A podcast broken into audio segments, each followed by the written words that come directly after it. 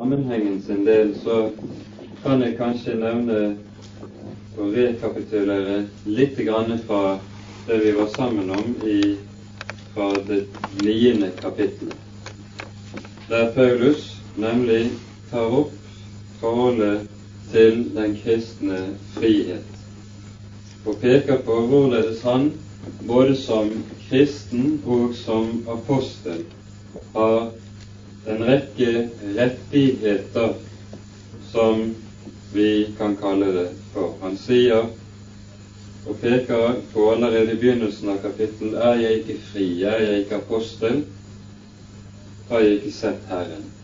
Og så peker han på hvorledes han på grunn av sitt apostolat har rett til en rekke ting i menigheten og iblant de kristne. Men han har aldri gjort bruk av disse sine rettigheter. Han har tvert om gjort det slik at han i alle ting har lagt vind på å forkynne evangeliet og utrette, utføre sin tjeneste for intet på enhver måte, slik at det aldri skal koste andre noe det han forkynner, skal det i det hele tatt være noe fra tjenesten, så skal det koste ham selv noe. Vi husker også i sammenheng med dette at Paulus skriver i innledningen til romerbrevet at 'jeg står i gjeld til alle', både til jøder og grekere. Og som slik er det han utfører tjenesten. Og så står det i slutten av kapitlet Alt gjør jeg for evangeliets skyld, for at jeg kan få del i det. Så i de siste versene peker han på hvorledes det kristne liv er å sammenligne med idrettsmannens innsats på banen. Når en idrettsmann er villig til å satse og ofre alt for å vinne en forgjengelig krans, så skulle han som apostel og vi som kristne enda mer være det for å vinne den uforgjengelige kransen. Og så slutter han av i det niende kapittelet for at ikke jeg som preker for andre, selv skal finnes uverdig. Han har altså gitt avkall på alle sine rettigheter for at han ikke skal finnes uverdig. Og I denne sammenheng er det han begynner å tale i det tiende kapittel. Og han slutter det niende med å ta et bilde fra det som var vanlig i samtid, i den greske samtid.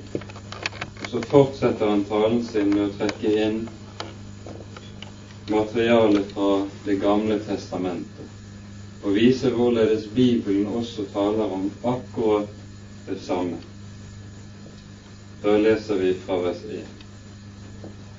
Jeg vil ikke, brødre, at dere skal være uvitende om at våre fedre var alle under skyen, og de gikk alle gjennom havet, og de ble alle døpt til Moses i skyen og i havet.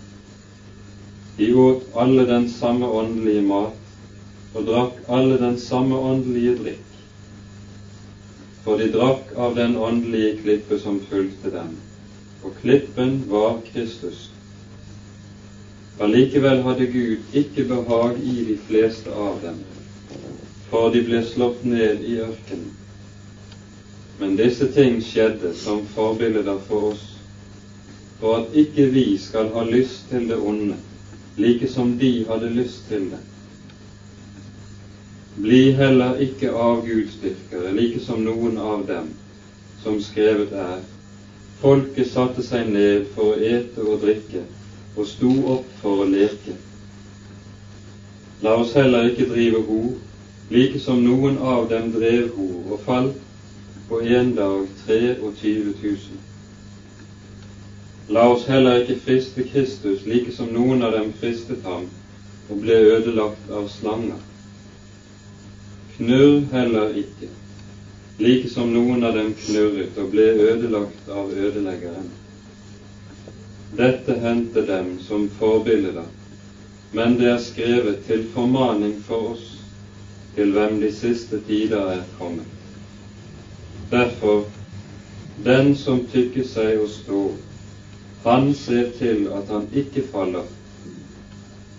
Dere har ingen fristelse møtt som mennesker ikke kan bære, og Gud er trofast, som ikke skal la dere fristes over evne men gjøre både fristelsen og dens utgang, så dere kan tåle den. Derfor, mine elskede, fly fra avgudsdyrkelsen.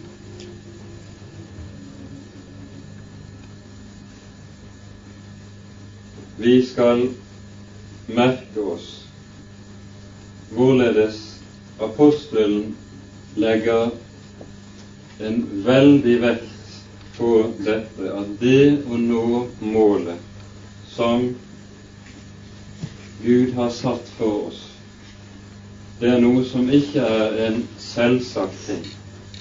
Det er ingen kristen som har garanti på at han skal komme til å nå målet fordi om han har begynt vel. En gang kristen, alltid kristen, var det et slagord som lød tidligere. Og vi kan se i lys av det vi har lest her, at noe sånt kan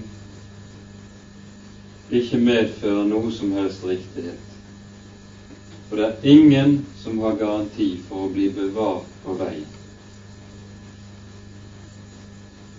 Dette ser vi av Israels eksempel under ørkenvandringen så tar han frem og viser hvorledes det gikk med Guds folk den gangen. Selv om de begynte vel, selv om de hadde rike åndelige erfaringer. De så hva Gud gjorde, og de så det med sine egne øyne, hvordan han skilte havet og ødela egypterne. De så hvorledes han ga dem mat fra himmelen i ørkenen og vanna klippene og allikevel når de ikke målet. Tross alle sine erfaringer, tross det at de var så rikelig velsignet på enhver måte. Og når de som har sett så mye, erfart så mye, opplevd så rike ting, ikke nådde frem, da skulle vi ha desto større grunn til å frykte. Det er jo i denne sammenheng, og det er på denne grunn, eller på grunn av dette, Paulus også taler, for å lære de kristne i Korint å frykte. For det som var deres store grøft og fare, var nettopp det at de var så selvsikre på grunn av sin formente høye kunnskap og åndelige erfaring, at de mente at med dem var det i hvert fall ingen fare. Men nettopp den som tenker at med meg er det ingen fare, den kristne er det som svever i den største fare av alle. Og Derfor er det apostelen taler sånn som han gjør her. Jeg vil ikke, brødre, sier han, at dere skal være uvitende om. Og merk den måten han skriver her. Her kunne vi peke på noe som apostelen Peter sier i sitt andre brev gjentatte ganger. I det tredje kapittelet, vers 1, står det slik Dette er nå alt det annet brev jeg skriver til dere, dere elskede for atter ved påminnelse å vekke deres rene hud. Altså, de vekkes opp ved å minnes om det de allerede hadde hørt og lært, men som var i ferd med å gå i glemmeboken hos dem. Og Det samme skriver han nå i det første kapittel, der det står slik i vers 12 og 13. Derfor vil jeg alltid komme til å minne dere om dette, enda dere vet det, og er grunnfestet i sannheten som er hos dere. Allikevel akter jeg det for riktig, så lenge jeg er i denne hytte, å vekke dere ved påminnelse. Merk denne måten å tale på. De, merk, de skal altså vekkes ved å minnes om hva Herren har talt tidligere, og hva de har hørt og lært i Guds ord, ikke gjennom å høre noe nytt. For det er det med oss som kristne at når vi har levet en stund, så er det slik at det vi har av erfaring, det går, det går slik med at det liksom bleker, blekner, det viskes ut, og så forsvinner det av minnet, slik at det ikke lenger har noen livgivende kraft i seg. Og så må vi få samme sannhet gitt oss på ny, kastet lys over det på ny, for at vi skal våkne. Og nettopp dette å komme til å glemme slik, det var det som var noe av Israels ulykke gjennom hele den gamle pakts tid. Vi kan bare tenke på noe av det som står hos profeten Hosea, som der det står slik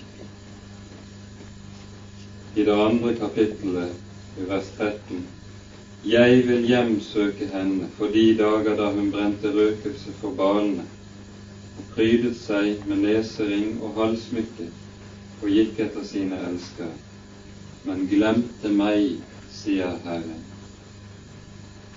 Og I Salme 106 vers 13 står det om hvorledes Israel i ørkenen etter å ha sett og erfart hva Gud gjorde ved Det røde hav, så står det etterpå men snart glemte de mine gjerninger og biet ikke på Herren. Og dette å ta vare på Herrens ord, slik at det ikke går av minne, og det å bli minnet om det på ny og på ny, slik at det blir sannheter som fornyes og der det kan grunnfestes i oss. Det er noe som er en livsnødvendighet i den kristne menighet. Det står slik i, hos Hoseas i det fjerde kapittelet vers seks. Mitt folk går til grunne fordi det ikke har kunnskap. Fordi du har forkastet kunnskapen forkaster jeg deg. De innbilte seg nok at de hadde kunnskap, og at de visste, og derfor ikke trengte å høre og minnes hva Herren hadde talt i sitt ord, og hva Han hadde gjort ved sine gjerninger. Men nettopp av den grunn så kom de til å gå til grunnen. Og så står det om dem i det sjette kapittelet hos Oseas. hva skal jeg gjøre med deg, Efraim? Hva skal jeg gjøre med deg, Juda? For deres kjærlighet er som en morgensky, lik duggen som går tidlig bort. Der er det en liten stund, og så forsvinner det som dugg og sol, som vi sier. Nettopp for å unngå at denne fare og denne grøft skal bli den kristne menighet til det, er det at apostlene er så nøye på det å minne oss om hva som er talt av Herren tidligere, og derved vekke oss til omvendelse på ny. For at vi ikke skal gå til grunne på grunn av mangel på kunnskap. Jeg vil ikke, brødre, at dere skal være uvitende om. Så skriver han om det som de allerede hadde hørt og visst gjennom lang tid, at våre fedre var alle under skyen og gikk alle gjennom havet. Og Derved minner Paulus om utgangen av Egypt og beretningen om dette, og hvorledes Det nye testamentet ser på denne begivenheten, det vet vi at nettopp utfrielsen av trelldommen der i Egypt. Det er et forbilde for frelsen. Å fris ut fra denne verdens makt og fra denne verdens fyrste, fra farao, og settes over i Guds elskede Sønns rike. Det er det som utvandringen fra Egypt er forbildet på. Og nettopp fordi det har en slik betydning som forbilde i Bibelen, er det at det også gjelder oss. Det er ikke bare noe som er historiebok, som gjaldt den gangen, og dermed ikke oss lenger. Men tvert om, fordi det er forbilder, gjelder det oss like mye som det gjaldt dem den gang. Våre fedre, sier Paulus og kaller dermed Israel for de kristnes fedre. Og Merk at dette sier han til hedninger som bor i Korint. Dermed så bryter Paulus med noe som han hadde lært som fariseer og som jøde. For for jødene var det slik at det var det jødiske folk som sådan, i kraft av sin kjødelige avstamning som var Guds folk. Men slik er det ikke verken i Jesu undervisning eller i apostlenes undervisning senere. Ikke alle er Abrahams barn fordi om de har Abraham til far, sier han. Jeg tror vi skal ta oss tid til å lese fra Romane 9.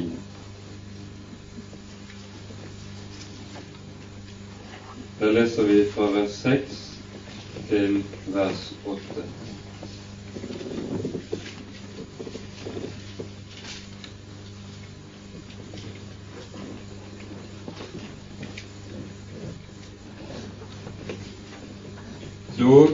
ikke som om Guds ord har slått feil, for ikke alle som er av Israels ett, er derfor Israel. Heller ikke er alle fordi de er Abrahams ett, derfor hans barn. Men i Isak skal det nevnes deg en ett.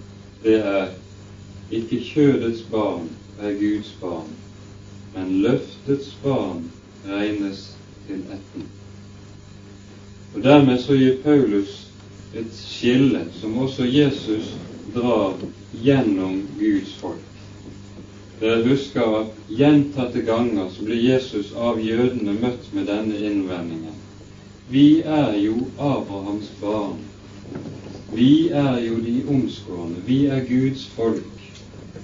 Og dermed de rette innehavere av Guds løfte. Så svarer Jesus i møte med dem i Johannes 8. Nei, dere er djevelens barn, og dere gjør deres fars gjerninger. Han var en manndraper fra begynnelsen. Han er løgnens far. Hvorfor kan Jesus tale slike ord til dem? Jo, fordi avstamningen fra Abraham rent kjødelig er ikke tilstrekkelig til dermed å kunne kalles for Abrahams barn. Ismael var jo også et Abrahams barn og en Abrahams etterkommer. Men han, fordi han var født av trellkvinnen Hagar, slik Galatane 4 underviser ham, fordi han var en frukt av noe som Abraham hadde gjort som menneske, så var Ismael født etter kjødet, og ikke som en frukt av løftet, slik Isak var. Isak var født som frukt av løftet fordi han var født på et tidspunkt hvor det var fysisk umulig både for Abraham og Sara å avle barn. Derfor var det klart og tydelig at Gud demonstrerte når Isak, Isak ble født, at dette som nå fødes og bæres frem, det er Guds verk, det er ikke menneskets verk. Men slik var jødene Abrahams barn kun etter kjødet. fordi de holdt seg til loven og dermed sine egne gjerninger. Og rettferdigheten etter loven, den gjør ikke til arvinger i Guds rike. Det gjør kun den rettferdighet som er etter løftet. Og det er de som er Guds rette barn, og de rette etterkommere av Guds folk. Slik underviser Det nye testamentet om dette. Derfor kan også de hedninge kristne kalles for barn av fedrene i Israel. Vi, slik som det står i Efesene 2, nå er vi òg som er hedninger, blitt Guds husfolk og de helliges medborgere og medarvinger og stå overfor Gud med den samme rett og den samme herlighet som de gjorde i den gamle pakts. Våre fedre var alle under skyen og gikk alle gjennom havet. Og dermed minner Paulus om hvorledes de ble fridd ut.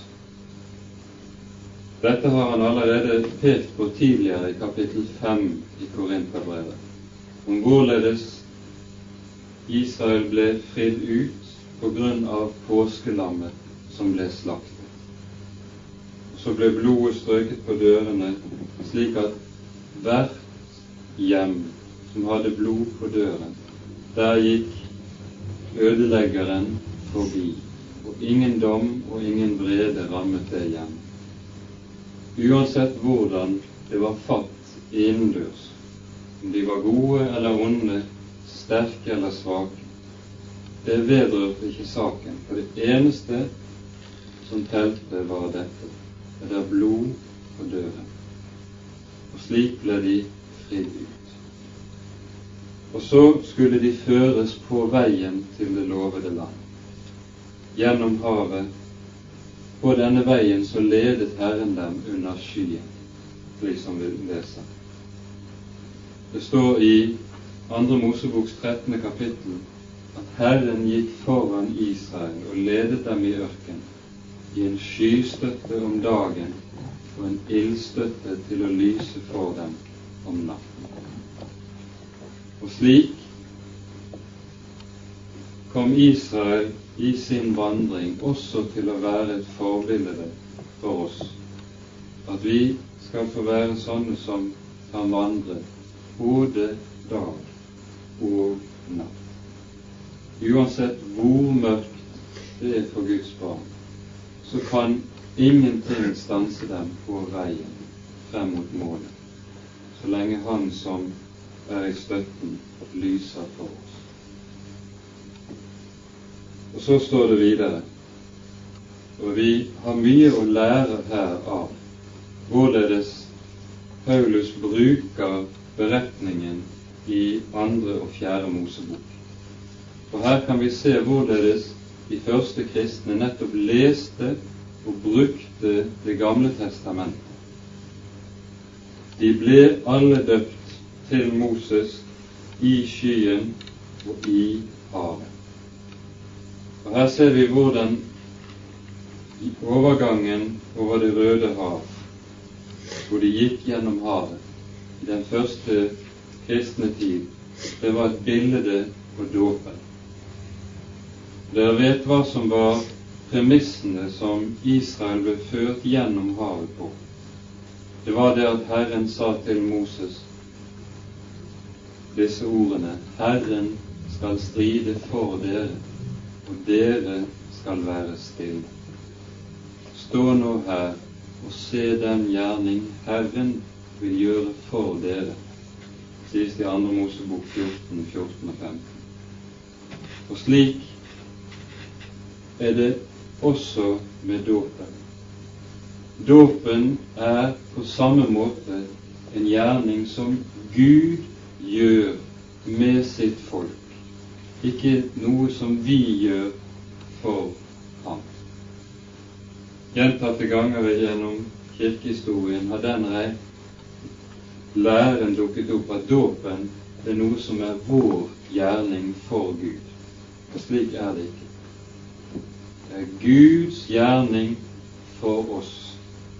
Vi går bare gjennom noe som Herren har lagt ferdig på forhånd, at vi skal få vandre i det. Så ble de døpt til Moses i skyen og i havet. Og slik er Moses i Det nye testamentets språkbruk forbildet på Jesus. Fra rabbinerne så hadde Paulus allerede tidlig lært denne grunnsetning at som den første forløser var, således skal også den siste forløser være. Så ble det tegnet opp nøyaktig parallell mellom hvorledes Moses gikk foran Israel og fridde dem ut av Egypt, og hvorledes Messias skulle komme til å gjøre det samme. I hebreerbrevet ser vi noe av et gjenskinn av dette i det tredje kapittelet. Og her ser vi samtidig hvorledes Guds ord bryter med den nøyaktige parallellen som ble satt opp den gang mellom Moses og Jesus. Det står slik i vers 1 til 5. Derfor, brødre, dere som har fått del i et himmelsk kall, gi akt på den apostel og ypperste prest som vi bekjenner, Jesus. Han som var tro mot dem som gjorde ham dertil, like som òg Moses var i hele hans hus. Men denne er aktet så meget større æreverd enn Moses, som den som har gjort huset, har større ære enn huset selv. Her ser vi altså at vel er det parallell mellom de to. Den Herre Jesus var også tro i hele Guds hus, men han som sønn over huset og som byggmester for Guds hus. Moses var bare tjener i huset. Jesus herre over huset og byggmester for.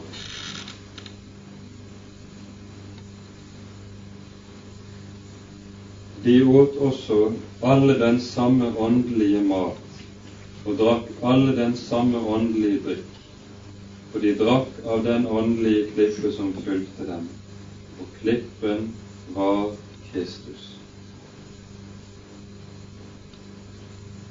Denne måte å anvende brødunderet i ørkenen, at Israel fikk manna av Herren, som bildet på den åndelige mat som alle Guds barn trenger å få del i. Det er noe som ikke er nytt fra Paulus sin hånd. Denne undervisning har vi gitt oss allerede i Mosebøkene selv. Og det tror vi skal lese fra 5. Moseboks 8. kapittel.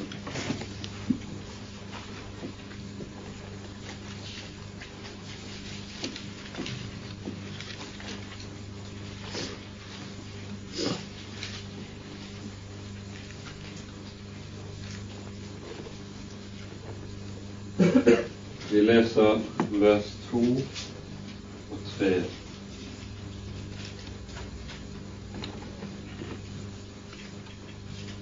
Du skal komme i hu hele den vei Herren din Gud har ført deg på i disse 40 år i ørkenen, for å ydmyke deg og prøve deg, og for å kjenne hva som var i ditt hjerte, om du ville ta vare på Hans bud eller ikke.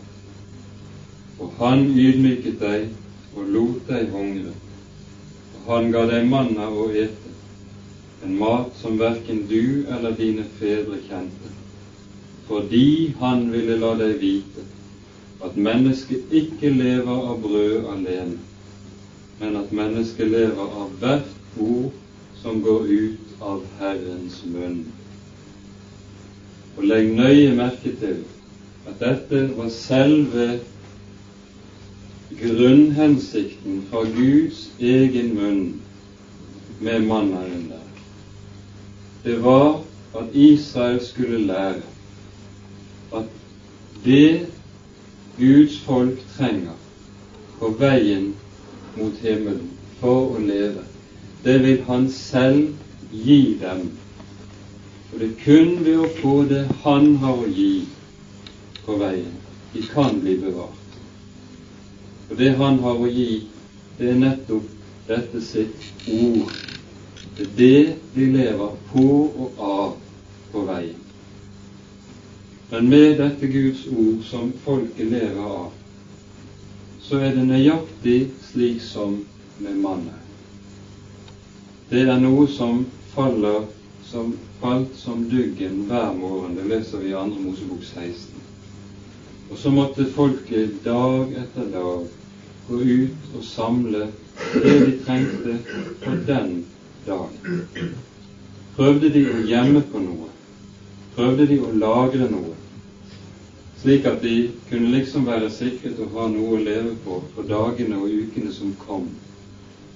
Der står det at det gikk makt i det, og det luktet pille, slik at det ble ubrukelige. Og Dermed så lærer vi at Guds nåde og det Han har å gi oss som mat på veien, det kan aldri gis oss som lagervare men slik som det står i klagesangene tre, den må få lov til å være ny hver morgen. Og Guds trofasthet mot folket når de var i ørkenen, viste seg just i det at han kom dag etter dag, uke etter uke og år etter år, og holdt dem oppe slik og ga dem det de behøvet der i ørkenen. De skulle vite, sto det, at mennesket lever av hvert ord som går ut av Guds munn.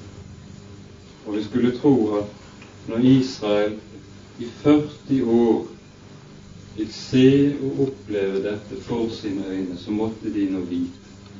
Så måtte den nå synke inn hos dem. Men det underlige er de gjorde det ikke De falt i ørkenen. Apostelen talte også her om den åndelige klippe som fulgte dem i ørkenen. Og der spiller han på flere ord som vi finner i beretningene i Mosebøkene. For det første så taler han om den gang Israel var ved Massa og Meriba. De hadde vandret en del dagsreiser ut i ørkenen etter at de hadde vært ved Det røde hav. De gikk jo igjennom havet, og så står det om folket at da de var gått igjennom hadde sett den gjerning Herren gjorde, da trodde Herren, folket på Herren og på hans tjener Moses. Så går de noen dager ut i ørkenen, dagsreiser og finner ikke vann. Og dermed så forsvinner troen som dugg for solen, som vi så. Så begynner folket, det leser vi andre 2. Mosebok 17, å knurre mot Moses og mot Herren og si det. Har Gud ført oss ut her bare for å dø? Og så sier Herren går Moses til Herren og klager sin nød for ham. Og så sier Herren, ta med deg folkets eldste ut og stå på klippen. Og så vil jeg stå der på klippen foran deg, og du skal slå på klippen med din stav, og jeg vil la vann velle frem av.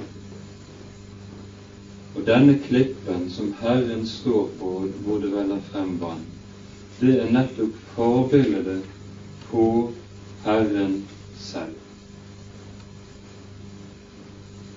Og senere i Mosebøkene så kalles Herren nettopp for Klippen. I 5. Moseboks 32. kapittel så synger Moses sin avskjedssang for folket. Han skal dø og skilles fra folket, for han får ikke komme inn i det lovede land. Folket skal under ledelse av Josfa gå inn i landet. Og Så synger Moses sin sang, hvor det står slik Klippen, fullkomment er hans verk, en trofast Gud uten svik, rettferdig og rettvis er han. Skulle hans, han ha ført fordervelse over sitt folk? Nei, hans barn, de har skammet, en vanartet og vrangset. Her lærer Moses folket Herren er deres klipp. Kan de bare få bli bevart i det å stå hos ham, så skal folket aldri råkes og aldri falle, om det er aldri så mye både i mørket og i ørkenen. Fordi han er en klippe som er trofast og uten sult. Og nettopp når Moses underviser om ham som er en slik klippe, så sier han i de samme versene som regnet rister min lære, og som duggen drypper mitt ord. Som en regnskur på grønne urter, som byger på urter og gress. For slik er han, den klippen som er kilde til all liv, der hvor han får lov til å være klippe for sitt folk. Der spirer det og gror det til frukt også i ørkenen. Og På bakgrunn av dette bildet er det Herren senere gjennom hele Bibelen omtales bl.a. ved hjelp av disse to bilder. Han er både klippe og kilde. Som hjorten skriker etter rinnende bekker, således skriker min sjel etter deg, Herre og hos deg er livets kilde, som det står i Salme 36. Men legg merke til også at det som sies her, er at den klippe som fulgte Israel, det var Kristus. Altså, og her har vi Det nye testamentets undervisning om Jesu person gitt oss som noe som for korinterne nærmest var så selvsagt at Paulus derfor ikke behøver å forklare det nærmere. Men for oss virker det uforståelig. Det er slik i Det gamle testamentet at overalt hvor det står Herren, Guds navn, der møtte de første kristne Jesus. Han, Herren, før han kom på jord, var det som tok Israel, førte dem ut av Egypten, ledet dem gjennom ørkenen og førte dem opp gjennom hele sin historie. Fordi Jesus er den som bærer Guds navn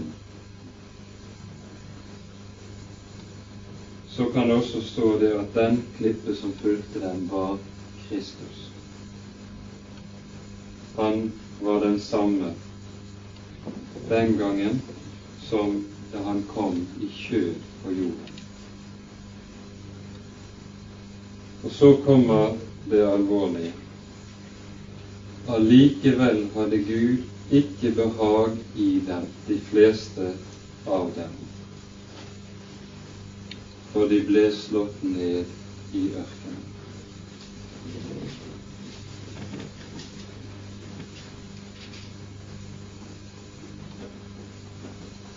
Dette er noe av det mest alvorlige med Det nye testamentets undervisning om disse ting.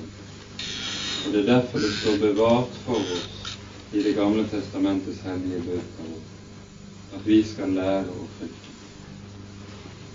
Det står ikke at det var et lite mindretall som ikke nådde målet, men det står at det var de fleste. Ja, når vi leser beretningen i Mosebøkene, så vet vi at det var bare to av hele den generasjonen som gikk ut av Egypt, som nådde det lovede land. Det var Kaleb, Jefunnes sønn, og Josva, Nuns sønn. Alle de andre ble liggende igjen i ørkenen. Slik taler og underviser Jesus også når han taler om de siste ting og de siste tider.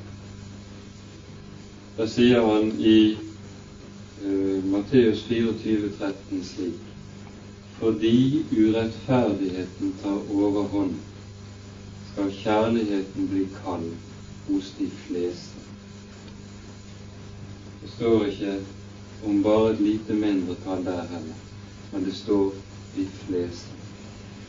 Og det er alvor som Bibelen legger inn over oss.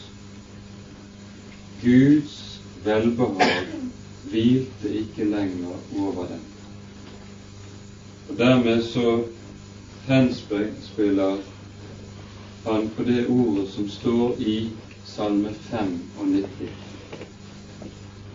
hvor Herren sier om Israel Sannelig de er et folk med forvillet hjerte, og de kjenner ikke mine veier. Så svor jeg i min vrede, sannelig, de skal ikke komme inn til min hvile. Og så faller de i ørkenen. Og slik står de der som bilde for oss på at det går an å omkomme på veien og ikke nå målet.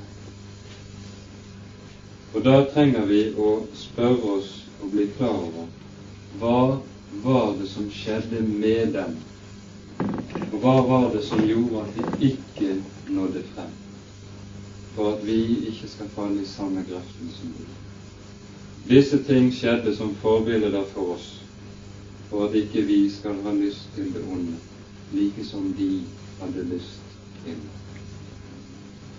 Så nevner apostelen opp fire av hovedbegivenhetene under ørkenvandringen,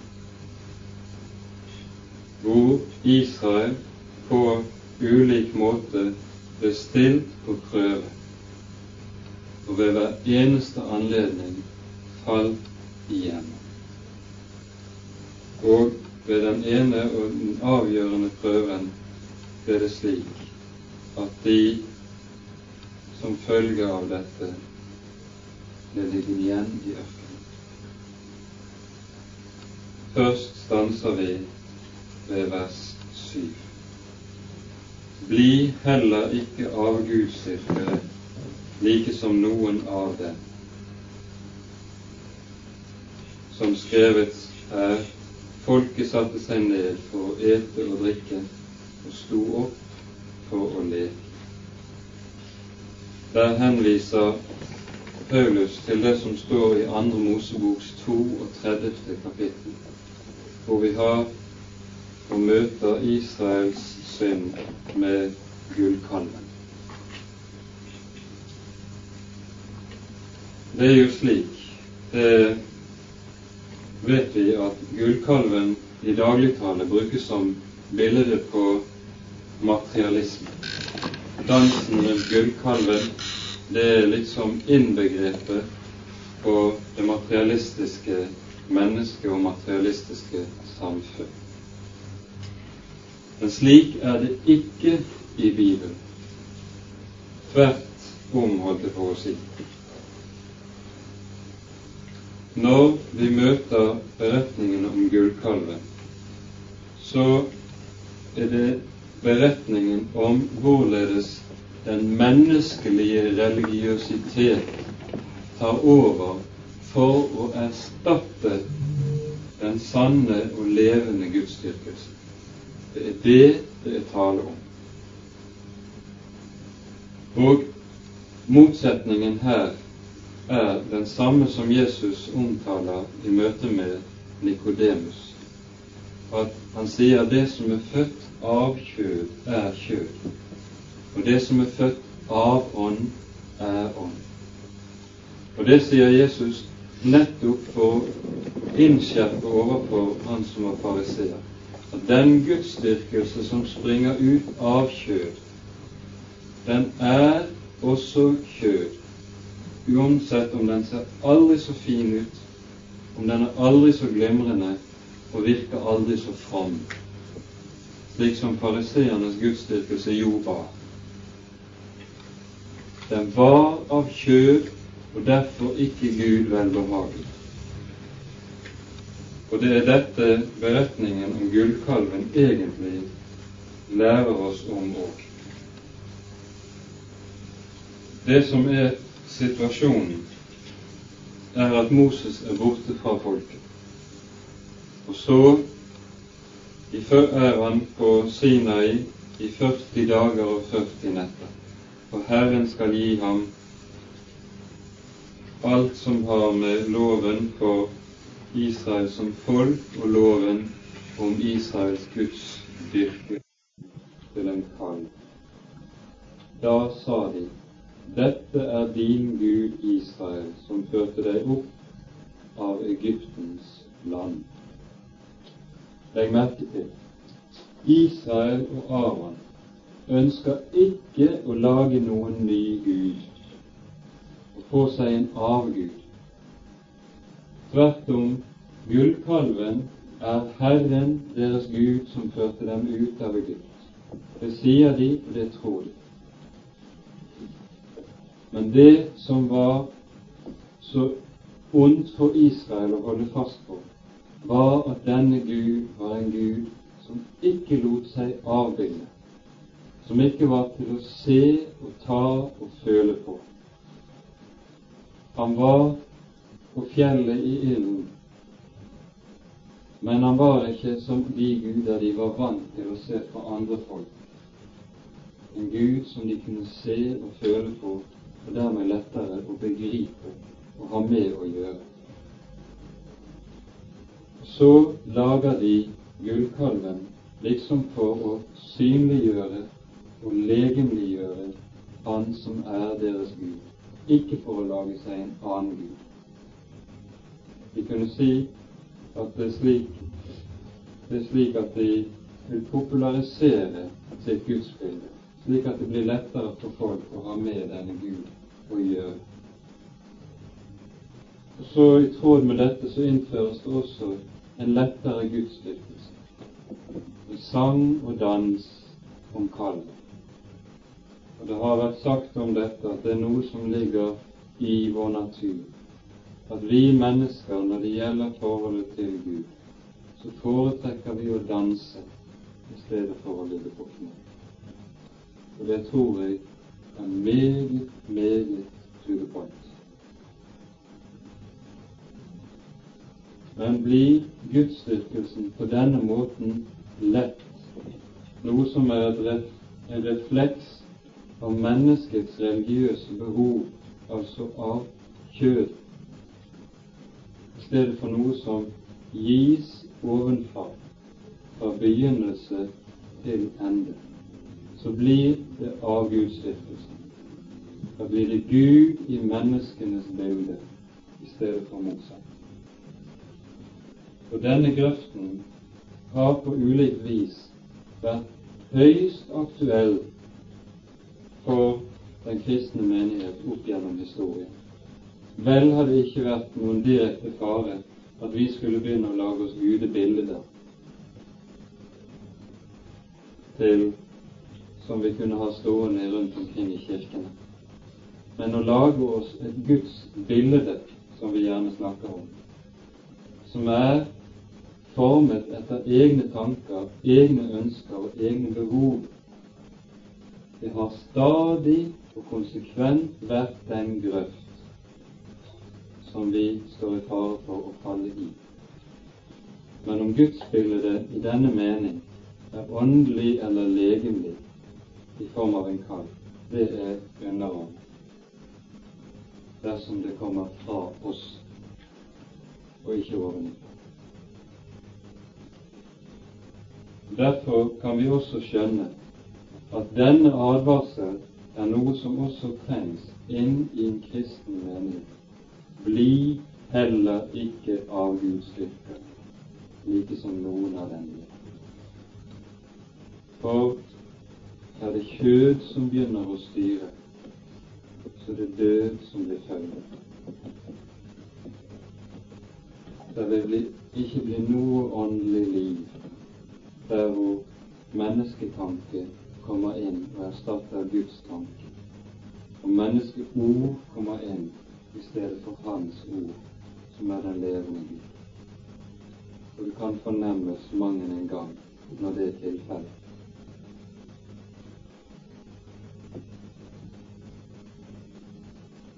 La oss heller ikke drive hor, like som noen av dem, dem drev hor og falt på én dag 23 000.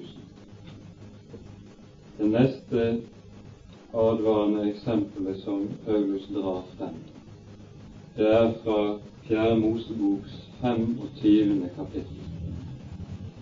Det er et liv Vi kan godt si det slik at her møter vi i dette kapittelet faren i for, som den kristne menighet står overfor i forhold til denne verden. På sin vei mot det lovede land så hadde Israel kommet til å møte og stå overfor en rekke fiendtlige folkeslag, som alle på ulik måte prøvde å Ja, de truet Israel på livet.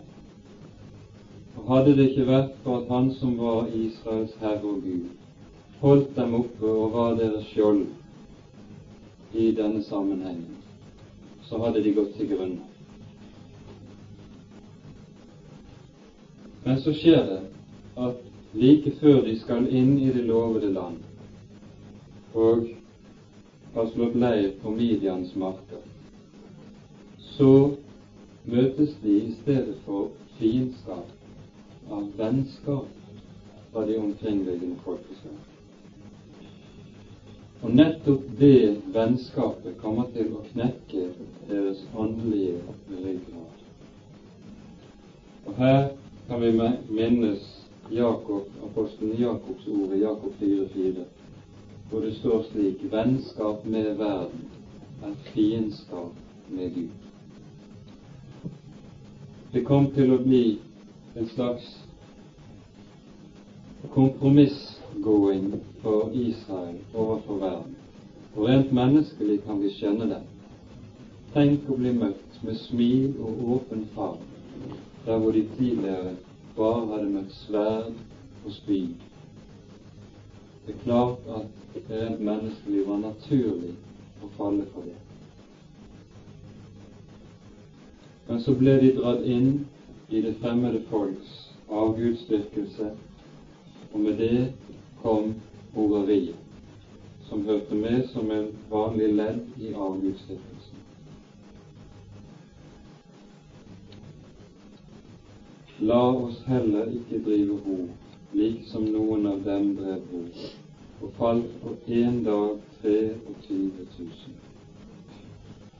Tilsvarende måte var dette en fare som sto dem og lå dem meget nær i Korint. Verdslighet hørte sammen med det løsslupne livet som var på seksualmoralens område i Korint, og at dette var i høy grad aktuelt for menigheten der. Det har vi sett i det femte og det sjette kapittelet i brevet.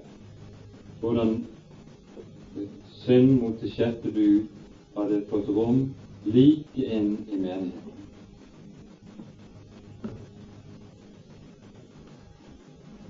Her understreker Paulus at dersom dette får lov til å skje, at slik verdslighet kobles sammen med, med at man tøyer grensene til det sjette bud, så kommer det til å føre til åndelig død, at man ikke når til mål.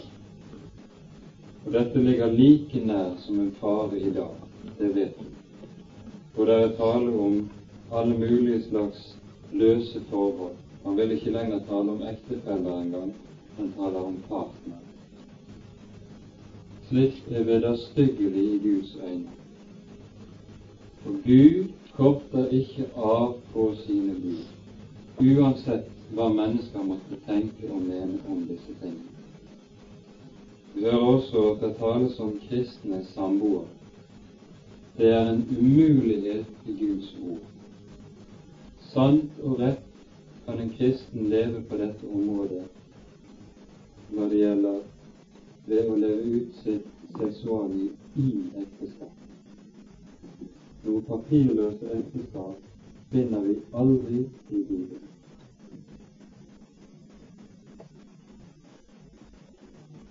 La oss heller ikke friste Kristus, like som noen av dem fristet ham og ble ødelagt av. Her trekker apostelen frem det som også ligger oss nær som noe av en grøft. Israel hadde etter sin lange ørkenvandring, hvor de nå nærmet seg målet, begynt å bli lei av Guds måte å stelle med, med seg. De sier til Moses og de sier til Herren vi er inderlig lei av denne usle mat som vi får. De var inderlig lei av Guds måte å stelle med dem på i ørkenen. De syntes det var så fattig slik som de hadde det. Skulle de ikke som Guds folk både ha rett på å ha mer både av det ene og det andre? La oss heller ikke friste Kristus. Med dette lå det den gangen der skjønner vi at det er misnøye med Guds måte å stelle og styre med livet mitt på. Det at jeg, når ulike slags vansker kommer og møter meg i livet, så begynner jeg i stedet for å legge dette i Guds hånd. For dette er det som er Guds skole når det gjelder disse ting. Det å lære å ta nød av Guds hånd, og så legge det i Hans hånd på ny.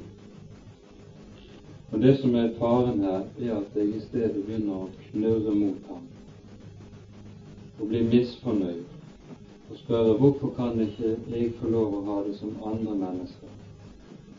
Gud vil meg ikke velge. Gud vil meg ondt når han fører meg sånn som han gjør. Og så blir det vrede mot Gud og knurr mot Gud, slik som det var med Israel den gangen. Og dermed så forsvinner både det fortrolige barnesinnet, hvor man vet at og det er noe av det som kjennetegner Guds barn, at jeg vet at det står i Hans hånd enten jeg har meget eller jeg har lite. Det er det som blir borte. Og Det er det som lå der som en fare.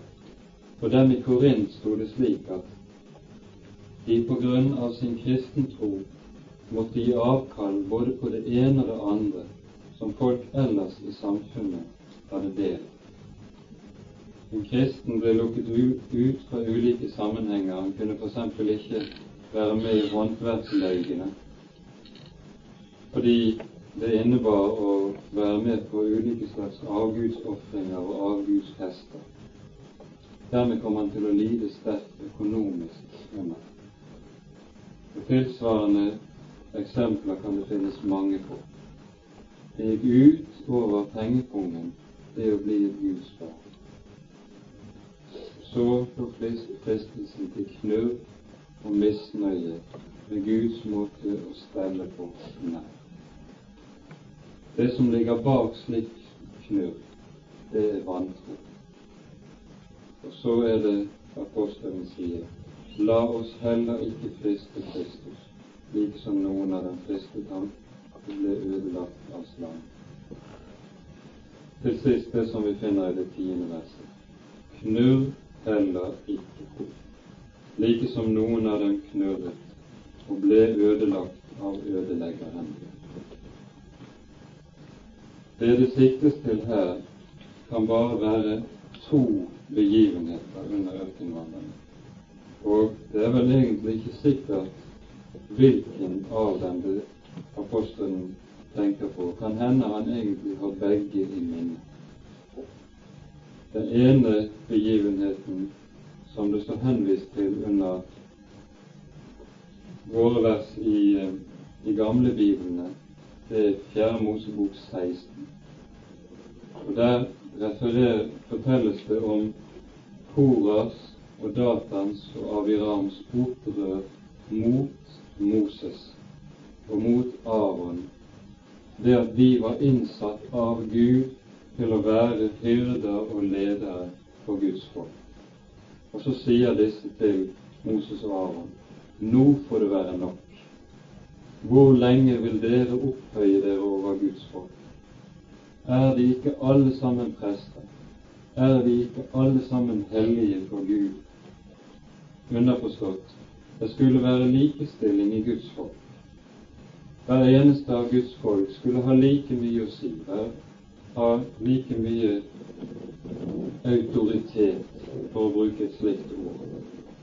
Og Dermed så skulle vi ikke være henvist til å høre være avhengig av at Guds ord ble gitt og talt gjennom bestemte menn.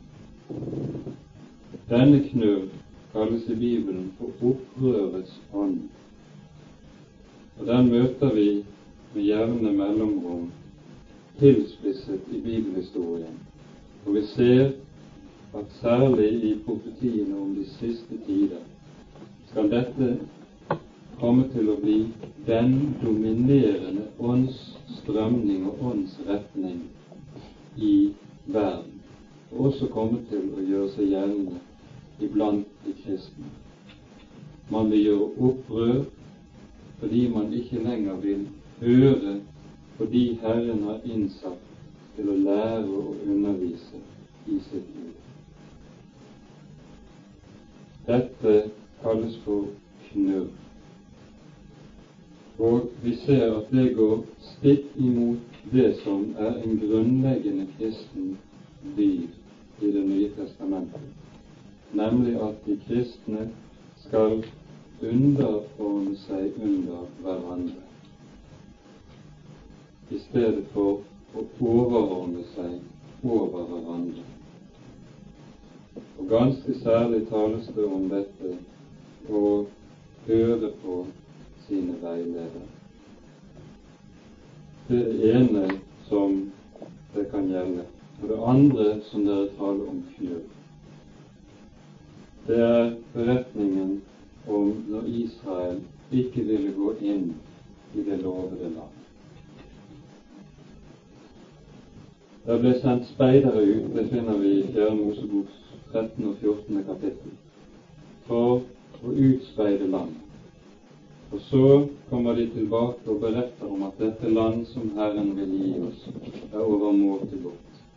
Det er rikt, og det er fruktbart. Vi kommer bærende med en drueklase som er så stor at det trengs to mann for å holde den. Og slik demonstrerer Gud ved hjelp av landets frukt hvor rikt det er, det gode land som de skal få ta i eie. Men så sier ti av de tolv speiderne men dette landet som vi, Herren vår Gud, vil føre oss inn i, det er ondt Folket som bor der, sterke og mektige, og vi var som gresshopper i deres øyne. De vil aldri klare å innta. De vil knuse oss som maur og som fluer. Og så taler Moses og Josva og Kaleb og sier Sant er det at vi er små, og de er sterke. Sant er det at vi er få, og har ingen kraft. men Herren vår Gud vil stride for oss, slik han stred mot farao. Han har tatt alt sitt skjold og all beskyttelse bort fra landets innbyggere og gitt dem i våren. Gaven ligger der ferdig, det er bare å gå inn og ta imot Og Da reiser det seg i Israel et slikt skrik at de tar opp steiner for å steine både Moses og Aron. Og så må Gud selv gripe inn for å stanse det. Vi ser det som ligger bak, og som er grunn for alt, alle disse fall, står det som fellesnevner for dem. Det er vantro. Vantro i forhold til Gud og Hans ord. Det er det som egentlig er grunnen til at vi ikke når frem. Det gjelder både knurringen forholdet til med åpenhet til verden og forholdet til gullkalven. Det er vantroen hvor Gud ikke får lov til å være Gud, og Hans ord ikke får lov til å stå uantastet. Det er det som fører til fallet. Dette hendte dem som forbilder, men det er skrevet til formaning for oss til hvem de siste tider er kommet. I Bibelen kalles brukes uttrykket 'de siste tider' om tiden mellom Jesu komme, mellom Jesu første komme og Jesu andre komme. Det kalles for de siste tider i Bibelen. Det skal vi tale mer om ved en annen anledning enn ved. Når vi møter ordet formaning, så har jeg lyst til bare å si et par ord om det. Dette ordet betyr nemlig flere ting ifølge grunnteksten. Grunnbetydningen av ordet er å tilkalle fordi man trenger hjelp, f.eks. Og så har det fått avledningen til å be noen, be noen komme, f.eks. Senere kom det til å bety flere ting. Det kan både bety formane, slik som vi bruker ordet vanligvis, men det kan også bety å oppmuntre eller å trøste. Og slik brukes ordet hyppig i Det nye testamentet for å beskrive ordet trøst eller oppmuntring.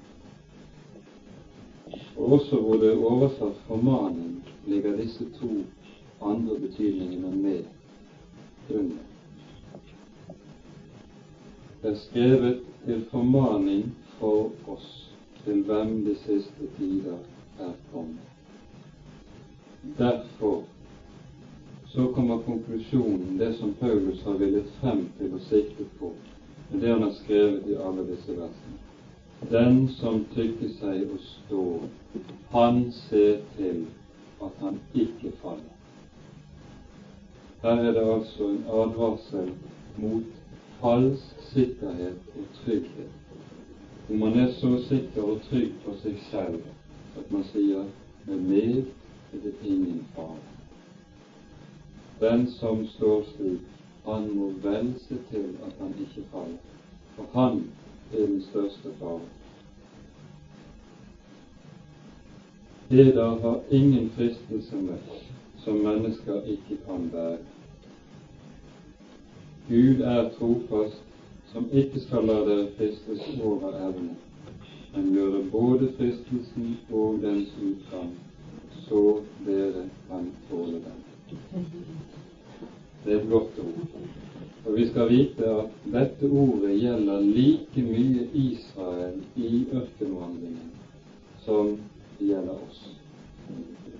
Det var også sånn med Israel i ørkenen at det, disse prøvelser og fristelser som de møtte, var heller ikke av en slik karakter at de ikke kunne bæres.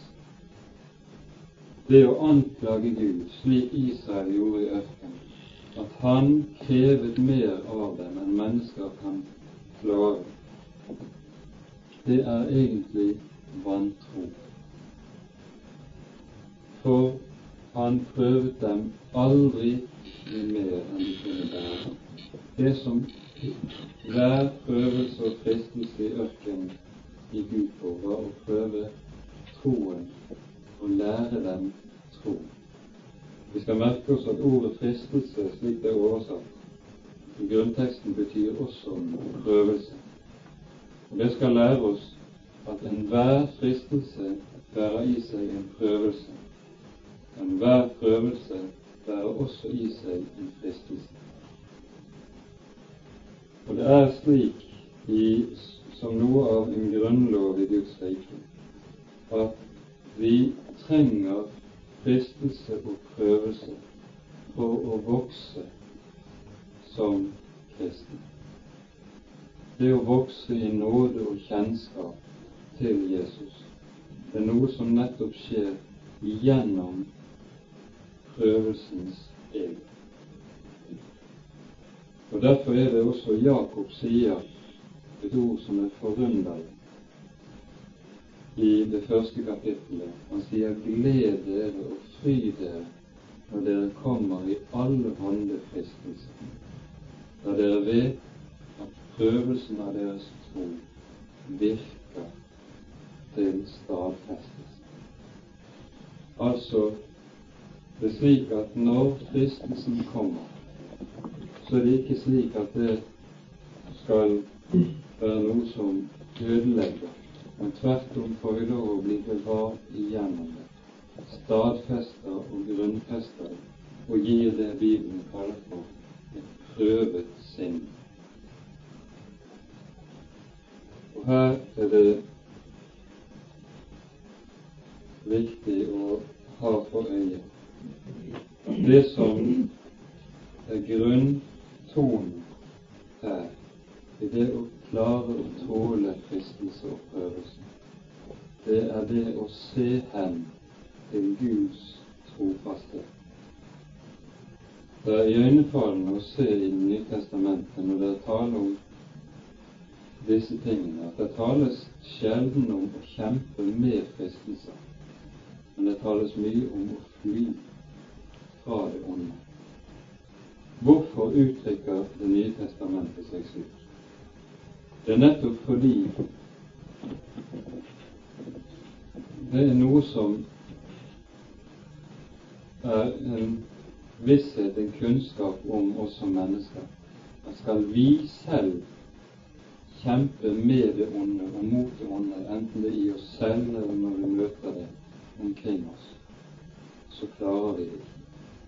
Derfor brukes uttrykket 'å fly til ånden'. Hvor skal jeg da fly? Jo, da er det nettopp det jeg skal gjøre. Jeg skal fly til Han som er klippen, som er den trofaste. Og Det er det som er nøkkelen i det å bli bevart i all fristelse og prøvelse og nød. Det var det Israel ikke gjorde i ørkenen. De trodde at det var opp til de sjøl å klare seg igjennom alt dette. Og så knurret de mot Gud fordi han hadde gitt dem slike overmenneskelige vanskeligheter. Ja, var det opp til de sjøl, så falt de. Sannelig gjorde de det. De skulle fly til ham. og Det var det de ikke gjorde.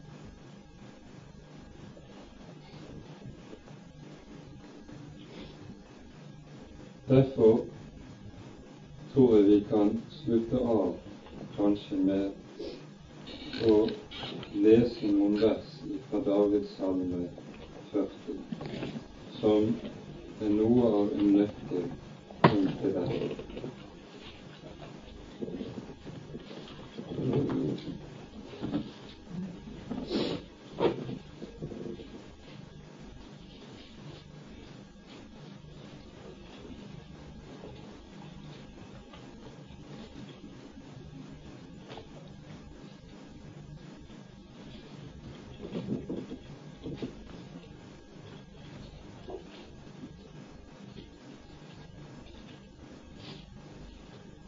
Viet for Herren, Da bøyde han seg til meg og hørte mitt rop, og han dro meg opp av fordervelsens grav, av det dype dynn.